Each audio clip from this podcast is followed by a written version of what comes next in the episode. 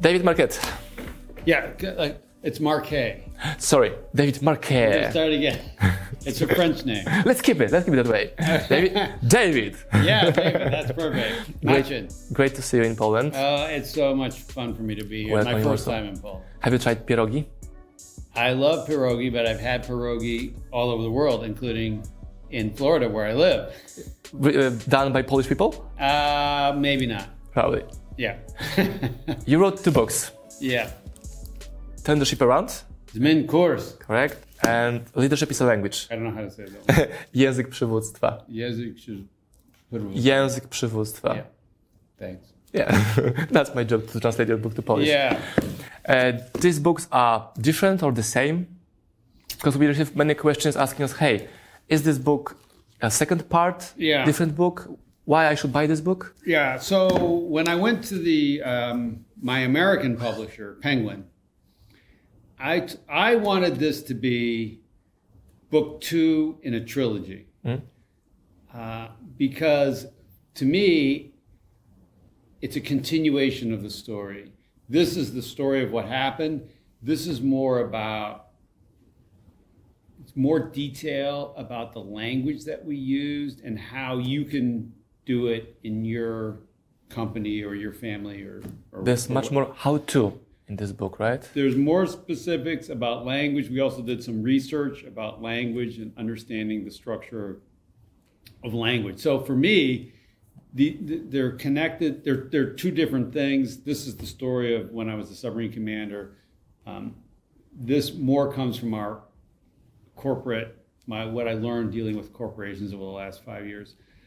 But I wanted it to be book two of the trilogy, and the publisher said, "Well, what's book three going to be?" And I said, "Well, I don't know. We'll figure that out after we get book two. And they said, "Well, we can't call it book two of the trilogy if we don't know what book three is going to be." So anyway, that's why it is the way it is. But the way you portrayed it, where the covers are um, connected with a nautical theme, is I think correct. Great. What does it mean to be a leader? That's the main question that probably you receive from people around the world. Like, It- it- how is it? Here's a terrible answer, it- but it depends. It depends. It, it right? depends on where you are, what what you're doing, and what what you're trying to do. For me, leadership starts when you're young, uh, and you just graduate from school, you get a job. Leadership starts from being accountable, being responsible, um, being competent, studying your craft, and making decisions. Um, this is sort of the directing, the performing and directing phase.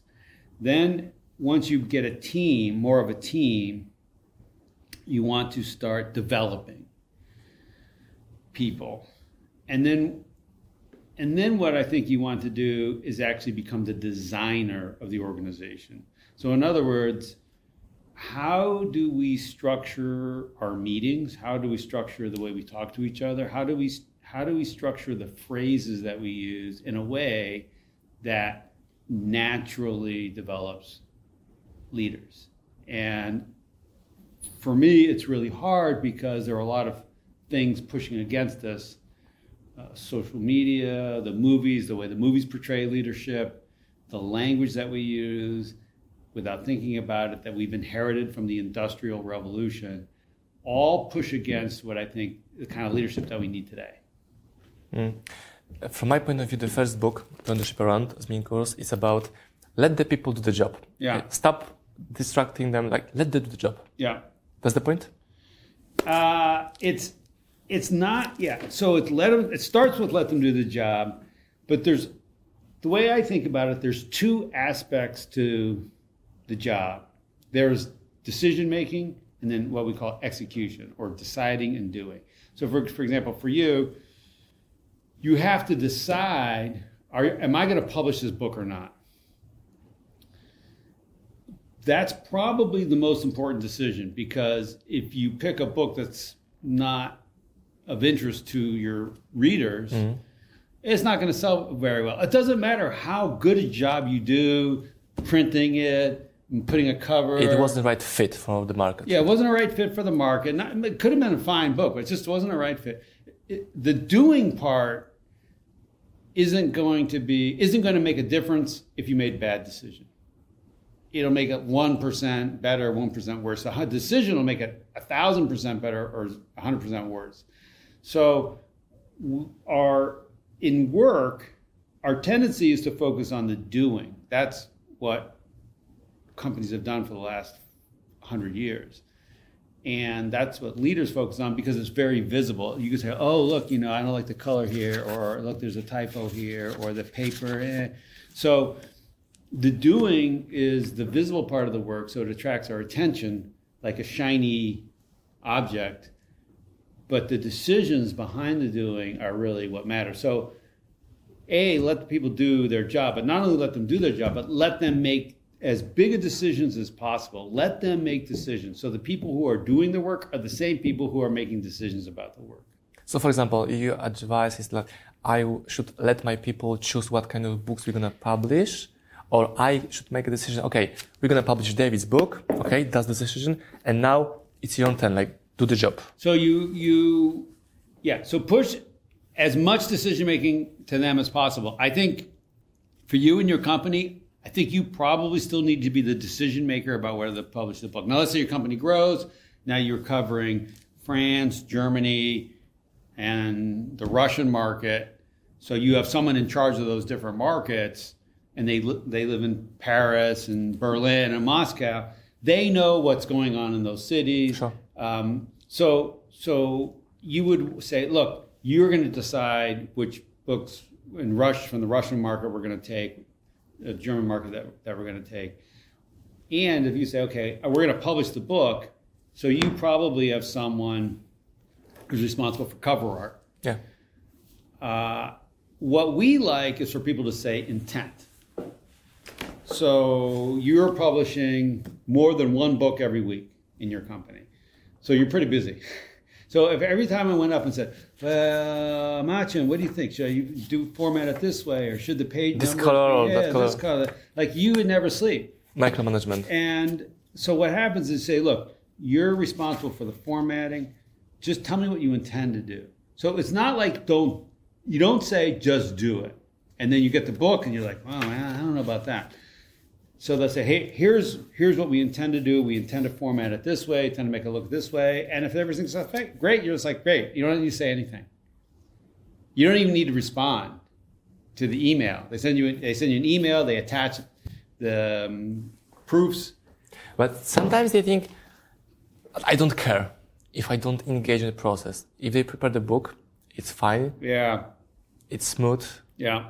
What about this situation? Um, some people need some kind of compliments, see the leader engage in the process. Like, I agree with you. I like the way of leading, but I do the job. Yeah. I won't interrupt. Stay involved. Look, we, we what we said, we don't we don't want hands off, eyes off, and um, we don't want no involvement. That's why we like intent because we can say, "Here's what I intend to do." Now you go, "Oh, okay," um, and the key is then let them tell the story. Oh, and, and most of what they're doing is going to be great.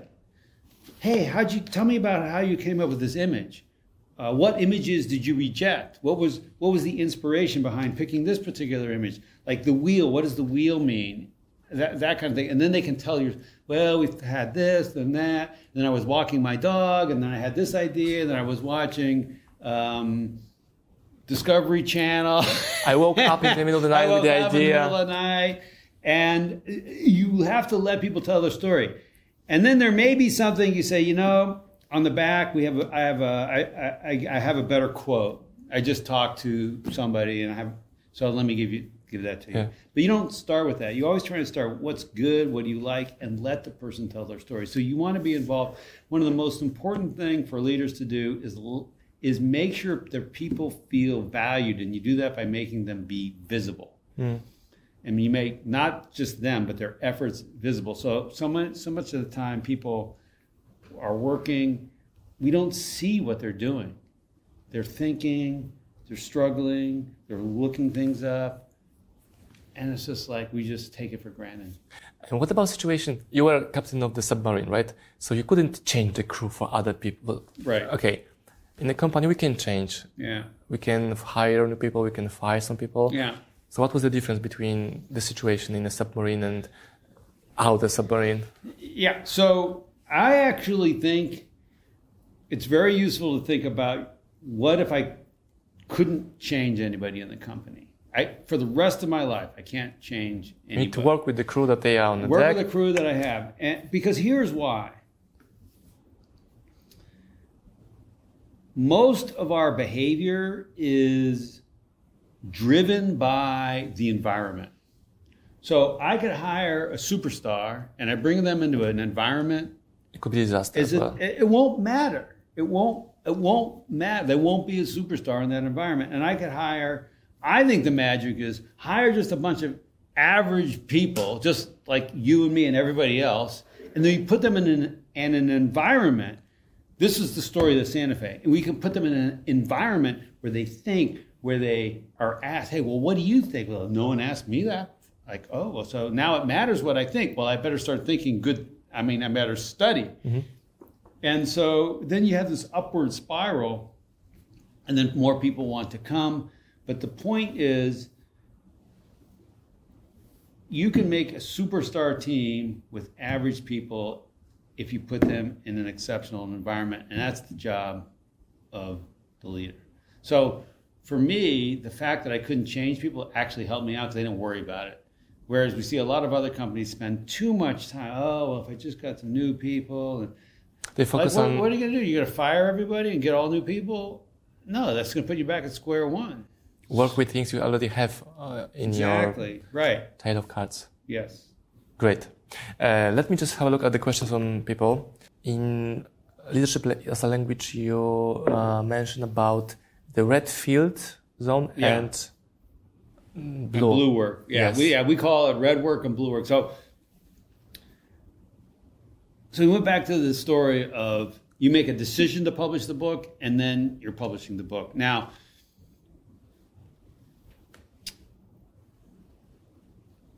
we think that those two different activities use your brain in different ways. The decision to publish a book is what we call embrace variability activity. To make that decision right, you need to scan the horizon, you look and see which books are moving up and down on the lists, you read the newspaper to see what people are interested Check in. the data of you check the previous books. data, you look at the number of views on uh, on on a YouTube, uh, you and and you ask other people. So it's it's we call this you want to broaden your perspective. Mm-hmm. Once you make once we're actually making the book, this is the printer, print print print print print. We call it reduced variability because I want this page to look the same in this book mm-hmm. as is that book as that book as that. I don't want like this letter to be Smaller, bigger, a little different, smaller, bigger, like skip and jump. Like I don't want that. I want it exactly the same. So then we shift to reduce variability, which means it's about focus. It's about excluding distractions. And if and machines are really good at it, but if a person's involved, like if you say you're running in a race, you go boom, the gun goes off. I don't see anything. All I see is the finish line. Yeah, tunnel vision, and that's what you want. Uh, I don't say stop halfway. Which way do I go? No. Should they run or maybe I Yeah, should well, rest? to run, you know, to rest. So, so red work, we we describe that execution, the running. That's we call red work. Red focus. The decision making is blue work, and what we what's happening in history is organizations always recognize that we need these two different kinds of work. And the way they solved it was they said, we'll send some people to school, or we'll hire people who went to school, who are good thinkers, who know how to read and write, and we're going to have them make the decisions for everybody else. And 200 years ago, that was okay because everybody else hadn't gone to school, didn't know how to read, They didn't have data. didn't have the data, didn't have an education. They were just as smart, mm-hmm. But they just didn't have an education. Without the input information. Exactly. We, we confuse being smart with being educated. So now, Some of us are smart, but most of us are educated. yeah, right. we can be educated and not smart, and, and smart and not educated. So, so now uh, the model is everybody is involved in the decision making. So that means the whole company um, the it can talk about a decision. You can ask your people, hey, what, what does everyone, what do you know? What like, what are your friends talking about? People who are different age, different gender, live in different neighborhoods, and you then now you have more information. And then everybody, then you go in decision mode. So it's not like we just sit around talking all the time. Our, we go into doing mode. So we did done with decision, now we're in doing. So the difference is thinkers and doers in the industrial age, and now everybody is a thinker and everybody is a doer, and it's managed by time. Think, do, think, do. All right. Uh, you also write a lot about baseball, and what is it? New playbook. Playbook, yeah. So I call it a playbook because my experience is I would just automatically react in certain ways. So, for example, we would get together and someone would say, Well, I think we should turn left. And I think that's a bad idea. And my reaction would be, um, Well, why do you want to do that? Or, um, Are you sure? Or is that safe? And the way I reacted sent a signal that I thought they were wrong. Mm-hmm. And then they would say, sometimes they would say, well, yeah, let me explain. Or sometimes they would say, yeah, never mind. And then I would lose the idea. And the point was that my reactions were automatic. My rea- I was not controlling my reactions. And those reactions were binary questions, and they come from a place of I'm right and you're wrong. I think I'm right. So I wanted to react differently. I wanted to say, Oh, tell me about that. Um, okay. Uh, how'd you come up with that? I wanted to be curious. At the end of the day, if what they said, I, said, I still said I think it's wrong, I, that's fine. But it was after I was curious. And so. So it's kind of kind of wedge between action and reaction. Like you stop yourself from. Exactly. It's, it's a wedge. Yeah. It's a pause and. And, I, and it's so, like a microsecond, right? A microsecond, and uh, and so all many many times I react and I have to control my reaction. And here's another example: I put a group together let's say we have executives. We're going to do this this afternoon. I'm running a workshop in here. I say, okay, um, what's the without looking it up, what's the population of Warsaw? And what'll happen every single time is someone will say, oh, I think it's 1.9 million. And then someone will say, ah, no, I think it's more like um, 2 million. No, no, it's 1.8 million. Blah, blah, blah. So what happens is we anchor the group and we just and we argue about that. The person who thinks it's 1 million or 10 million doesn't speak up. And so, uh, and that's, and I, then I say, well, why did you run the meeting that way? Because in your company values, you say, oh, we want diversity and inclusion. And so diversity means people who think differently to be able to say what they think. And when I, when you said, I think it's 1.9 million, it's very hard for the person who thinks it's 1 million or 10 million to speak up. And even if they do, they might say, "Oh, well, maybe it's 1.5 million. Uh, but you but you lose the fringes. Uh, what about the answer? Like, I just check it. It's like 1.9, for example. That's the wrong answer in such a meeting. If it's a fact, if it's a fact, not opinion, I just check it. I count all people in Warsaw. That's the proper number. Yeah, yeah. No, you can do that. You can do that. But what I'm I'm just trying to get. So that's maybe.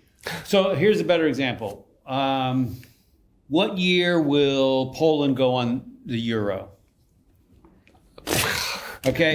so yeah, it's not it's not something we can look up. Sure. Right. Or uh, where what's the value of the Polish stock market in five years? Right. so in, in all these cases, you want to ask a question. When we do it in a workshop, we, we, we, we ask a question that we can look up so we can then go say, okay. So it's about inclusion, not exclusion. Like we want to engage everyone and choose from the variety of ideas the, the best one. Yeah. Not scare people and make them more open to share ideas. Right. But the, yeah, and the point is that we run the meeting. In order to do that, you have to run the meeting differently than you've probably seen every meeting run. And mm. when I ask people, why did you do it that way? They don't have an answer. It's like, oh, oh well, is there a different way? Yeah, you could do it differently. You could say, everybody write down what you think the year that Poland will go into Euro, flip over your cars, and now let's hear. So someone writes 2022, you say, okay, what do you know that we don't know? Someone else writes, never. Okay, now I hear about it. Everyone else writes 2032. Okay, great. We don't need to hear from them because everyone, that's what everyone already thinks. Okay, tw- I'm making it up. I have no idea. Yeah. But I say, oh, 2022, that's a different, that's different. Let's hear more about that. You're trying to spotlight on that person. okay. And what about conflicts? If you're in a submarine, Yeah. So, so the point is, you could have conflict of thought, unity of action. Mm-hmm. So let's say we're going to publish. Say, you get your company together. You can say, hey, hey uh, let's Dave- publish third book. Dave David- Marquet wrote another book. Should we publish it? And uh, you have a you have a debate. One, One is saying, like, one person says we didn't sell, sell sold much copies yeah, of one previous person says, hey, books. you know, the other book didn't sell that well. We should not publish it. Another person says, you know what? Um, it's a really important book, and even if it doesn't sell, we want to have our name to make a meaning. yeah, we want to have yeah. It's it's more about the meaning than maybe the dollars and cents in this case. And then they have this big debate, and you're the head of the company, so you say, okay, okay, okay, okay. Look, here's what we're gonna do we're gonna publish it. Um, now this person, this person over here, says, okay, well, I don't I don't think it's a good idea you don't have to convince them. You don't say, "Oh, let me explain why you're wrong." Yeah. Like that's just annoying. So you say, "You know what? You might be right. It's possible you're right. Let me ask you: Can you do, take the physical actions that's necessary to publish this book? I mean, can you take it to the printer, design the cover? Yeah, yeah, I can do all that. I still think it's a bad idea. Say, fine. That's all I need. I need alignment of action. You can think it's a stupid idea, just as long as we have alignment of action. And that's what we would do on the submarine because I you couldn't choose. Oh, we don't want to pick up the special forces. They're like they're in the ocean. We got to get them. You don't get to make a decision then. Question about uh, talking and listening. Yeah. Uh, your favorite one, right? I It's like 10% talking, 90% listening. yeah, this is hard. So uh, part of the deal is I'm being interviewed, so I'm talking a lot. Yeah. But when you're running a meeting, what we see is that the person who gets who's who gets paid the most talks the most, and the person who gets paid the least talks the least. But the person who pay, who gets paid the least, they they may know more about the situation. They they're the person writing the code or the person who sees the patient. Or, They know how to print and so on. They work with the machines, They they know the print. machine. They say "Ah, this machine doesn't really work. Uh, yeah, it comes out, but it's just it's just, just a pain in the neck to work. Like they know, you don't know because it's so. What happens in meetings is, job of the leader is to even that voice, so that we suppress the voice of the loud people and, and our own voice, and then we encourage the people who think differently. So that if I have, let's say, I have ten people in a meeting, each person can says about if I just counted the words, about ten percent of the words. Doesn't mean to be precise, but you don't want one person saying fifty percent of the words, four people saying ten percent, and the everybody else says basically nothing Mm. because you don't know what they what they know. We you failed. In the objective is everybody should know what everybody knows. Everybody should see what everybody sees. But you failed in that objective because half the team doesn't know what those five half the other half sees and knows. Mm. Uh, like years ago, like 15 years ago, I was a part of the assessment center uh, done by hire company, and they wanted to recruit some of us. And there was a group of 10 people in a room, and I didn't pass the next step. And as a feedback, they told me, I choose the strongest person from the group, and I work with them, forgetting about the rest. Mm. It was the first line of feedback that I received Nice. from them. I was like, Nice. what, what do you think about this idea? And it was What like you- 15 do you- years ago, I was a different person at the time. Yeah. What do you mean by the you? The strongest. See, I, it depends what they mean by right? the strongest person because I think I didn't engage like everyone to talk, to share ideas. So if it's, Yeah, that's more what I'm saying. Yeah, I think so. That was that's pretty good feedback. I'm I use people don't normally say say that. That's their natural instinct. Humans are are we're actually I, wired from DNA to behave that way, and we gravitate towards the alphas and we line ourselves up and and that and that kind of thing. Um, but leadership means acting better than that.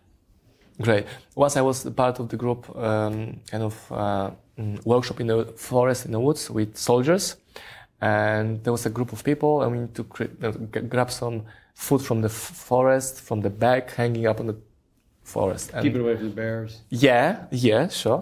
So I, I, did, I did the same. I chose the strongest guy, the most motivated. They want to go. I didn't focus on the guy who were like, convince me I want to go with you. Like, no, okay, you want to go with me? Yeah, let's go. Okay.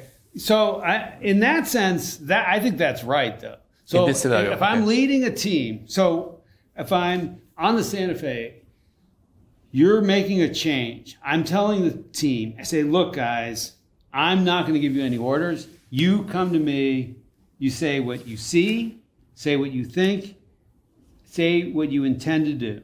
Tell me what you would do if you were me. Tell me what you would do if I weren't here. Now, some people, a lot of people, like like that. They're like, great, get out of the way. Okay, here's what I see, here's what I think, here's what I intend to do. Some people were like, yeah, I don't know, I don't think that's a good idea. Why don't you just tell me the old way? And the mistake people make is I, I ignore the people who are trying to do the right thing. All, all the, the, the part that's doing good behavior, and I say, oh, Machin, let me explain to you. I, I give you a lot of attention. I, I, I, I, I pat your back. I rub your and and all this we call rewarding bad behavior. So in other words, you're getting a lot of attention because You're passive. you you're resisting. Mhm. And and you know what? If you reward if you reward a certain behavior, you're going to get more of it. So then the next person says, "Oh, I'm going to be a pain in the ass too." I want to scratch behind my ear. I need to be. yeah, okay, now, oh, let me scratch behind your ear. Yeah. And so you don't want to do that. So, for example, what I here, here so I speak at a lot of meetings and conferences. Some of them start on time, some of them don't. One of the worst thing you can do. Oh, we're all here on Waiting Zoom. for people who didn't come. Oh, we're waiting for people to show up. Guess what? That's we call it punishing the good. You just punished everyone who decided to show up on time. I know. You just wasted three or four minutes of their time. Then we're rewarding the people that didn't show up. You know, that's here's the secret to start on time. Start on time. If you always just, yep. oh, I guess I missed the beginning. In high school, I, we were punished by uh, teachers saying, "Hey, tell the guy who was late that he need to be something like what." You Yeah. are need to, you have to punish them. What for? What? what Yeah, I don't think. Yeah, I don't think. I yeah, I wouldn't do that either, especially for kids. It's just like, no, we start on time. The door locks. You didn't. You weren't here. Like be an adult. Uh, a few comments about proof mindset and protect mindset. Yeah, prove so. Um, when I was growing up, people come to me and say, "Well, how? Um, tell me what you. Th- how do you think it went?" And I was like, "Oh, we did good. I tried hard. I want. I, I always wanted people to think I was valuable, and so if there was any evidence like, well, I could have done a little better, it was scary. And I would kind of shy away from it. And but that attitude is the very thing that keeps you from getting better. So what we say is even though you're wired, you will want to make you want to project an image to the world that you're competent, you're capable, you're valuable, you're worthy. That gets in the way of actually getting better, which is more important in the long run. So we want to improve, not just prove. Hey, how can I do better? Hey, um, how was this interview? What did I talk too long when you asked me a question? Like, you know, get feedback, seek feedback. And what answer you give to people when they ask you, "Okay, Mr. David, why we should read these books?" What's the what's the answer of David's? If you want a be- uh, if you want a better life, read the book.